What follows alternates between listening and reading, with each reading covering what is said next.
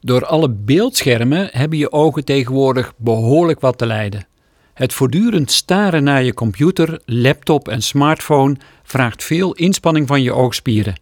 En daarom is het ook niet zo verwonderlijk dat je ogen aan het einde van de dag vermoeid en strak aanvoelen. Naast vermoeide ogen kan door al dat staren je concentratie op den duur ook verslappen. Daarom is het nu een goed moment om jouw focusblik wat te verruimen naar een bredere horizon.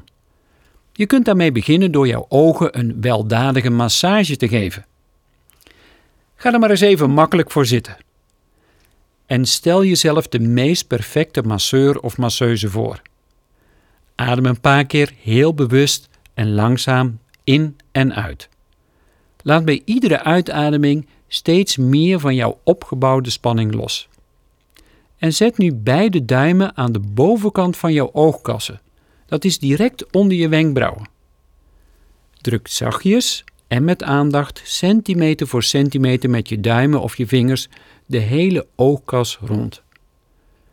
Masseer met jouw vingers met steeds groter wordende cirkelvormige bewegingen rond je ogen, je slapen en je neus. Werk van binnen naar buiten. En neem er even de tijd voor. Minstens een minuut. En wrijf vervolgens nog even lekker door je ogen en in je gezicht. En dames, maak je geen zorgen over jouw make-up. Na deze massage straal je weer van binnen naar buiten.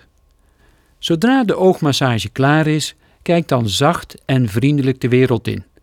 En je zal ook merken dat je focus en concentratie zijn toegenomen.